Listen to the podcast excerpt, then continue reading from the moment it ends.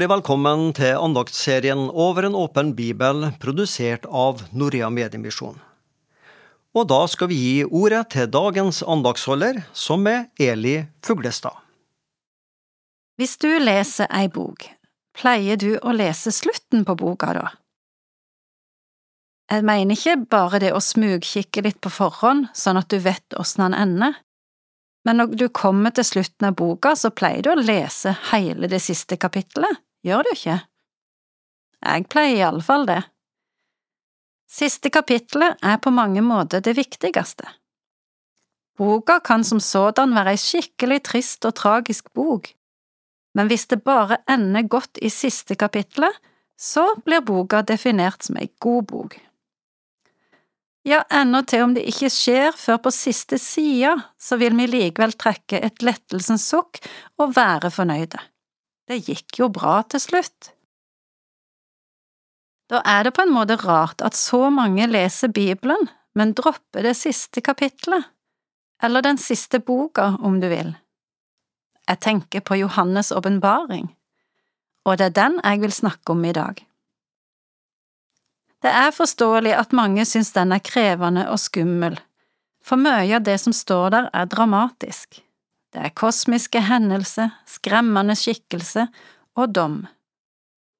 Men det står også mye mer, om seier, evig glede og fred. Ikke minst forteller åpenbaringen om hvordan historien ender. Det vil si, historien ender ikke Åpenbaringsboka avslutter med å fortelle om en ny begynnelse. Boka forteller om åpenbaringer som disippelen Johannes fikk da han var i eksil på øya Patmos. Han var på dette tidspunktet gammel og har kanskje hatt god tid til å reflektere over alt han har opplevd og grunne på ting som Jesus sa. Plutselig fikk han et syn og møtte Jesus som viste han mye om framtida. Johannes fikk blant annet beskjed om å skrive brev til sju ulike menigheter i Lille-Asia. Det er mange og ulike tolkninger av hvem brevene beskriver og hvem de er til. Det kan blant annet tolkes som brev til kristne i forskjellige tidsepoker i historien, eller til ulike typer menigheter som finnes i dag. Jeg tror at alt kan være riktig på en gang. Jeg tror ikke de bare har én tolkning. Budskapet gjaldt i alle fall ikke bare menigheter på Johannes' i tid, siden de er med i ei bok om endetida. De er òg profetiske og høyst aktuelle i dag, sånn som de har vært aktuelle til enhver tid i historien. Hva har de brevene å si oss i vår tid? Jeg tror at vi kan kjenne oss igjen i de alle, og at alle brevene har noe å si oss i dag. For den som syns åpenbaringsboka er skremmende, finner vi et godt utgangspunkt i begynnelsen av boka. Jesus sier, Frykt ikke, jeg er den første og den siste og den levende. Det er seierherren som snakker. Han vet allerede at han er vunnet, og nå gir han en slags peptalk til sine kjære før siste innspurt. Den som har øre, hør hva Ånden sier til menighetene, sa Jesus i brevene.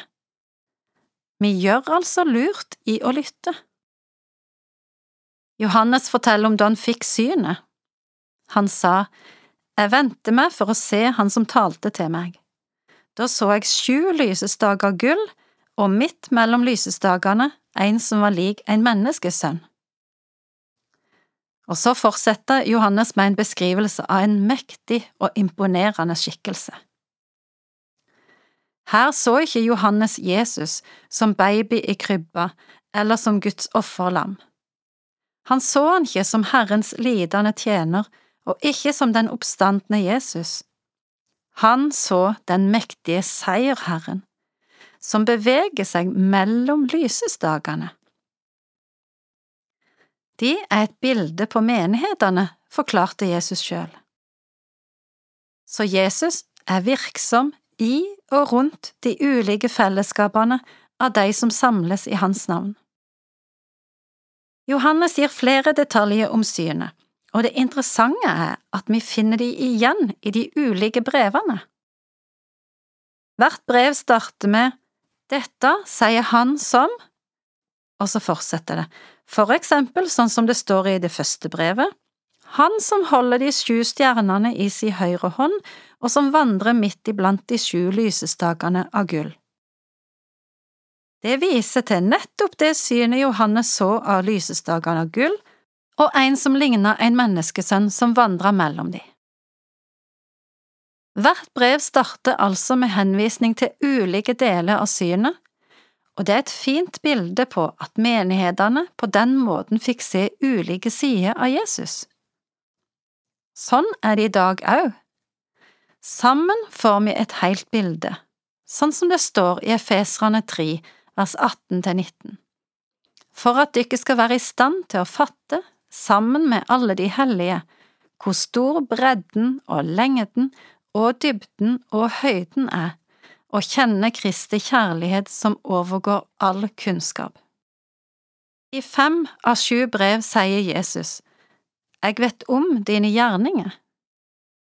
Han snakker om tru og kjærlighet òg, men det er til ettertanke at han vektlegger gjerningene. Men da skal vi huske på at det ikke er frelsesgjerninger eller lovgjerninger det er snakk om, altså ting vi må gjøre for å bli frelst eller for å forbli frelst.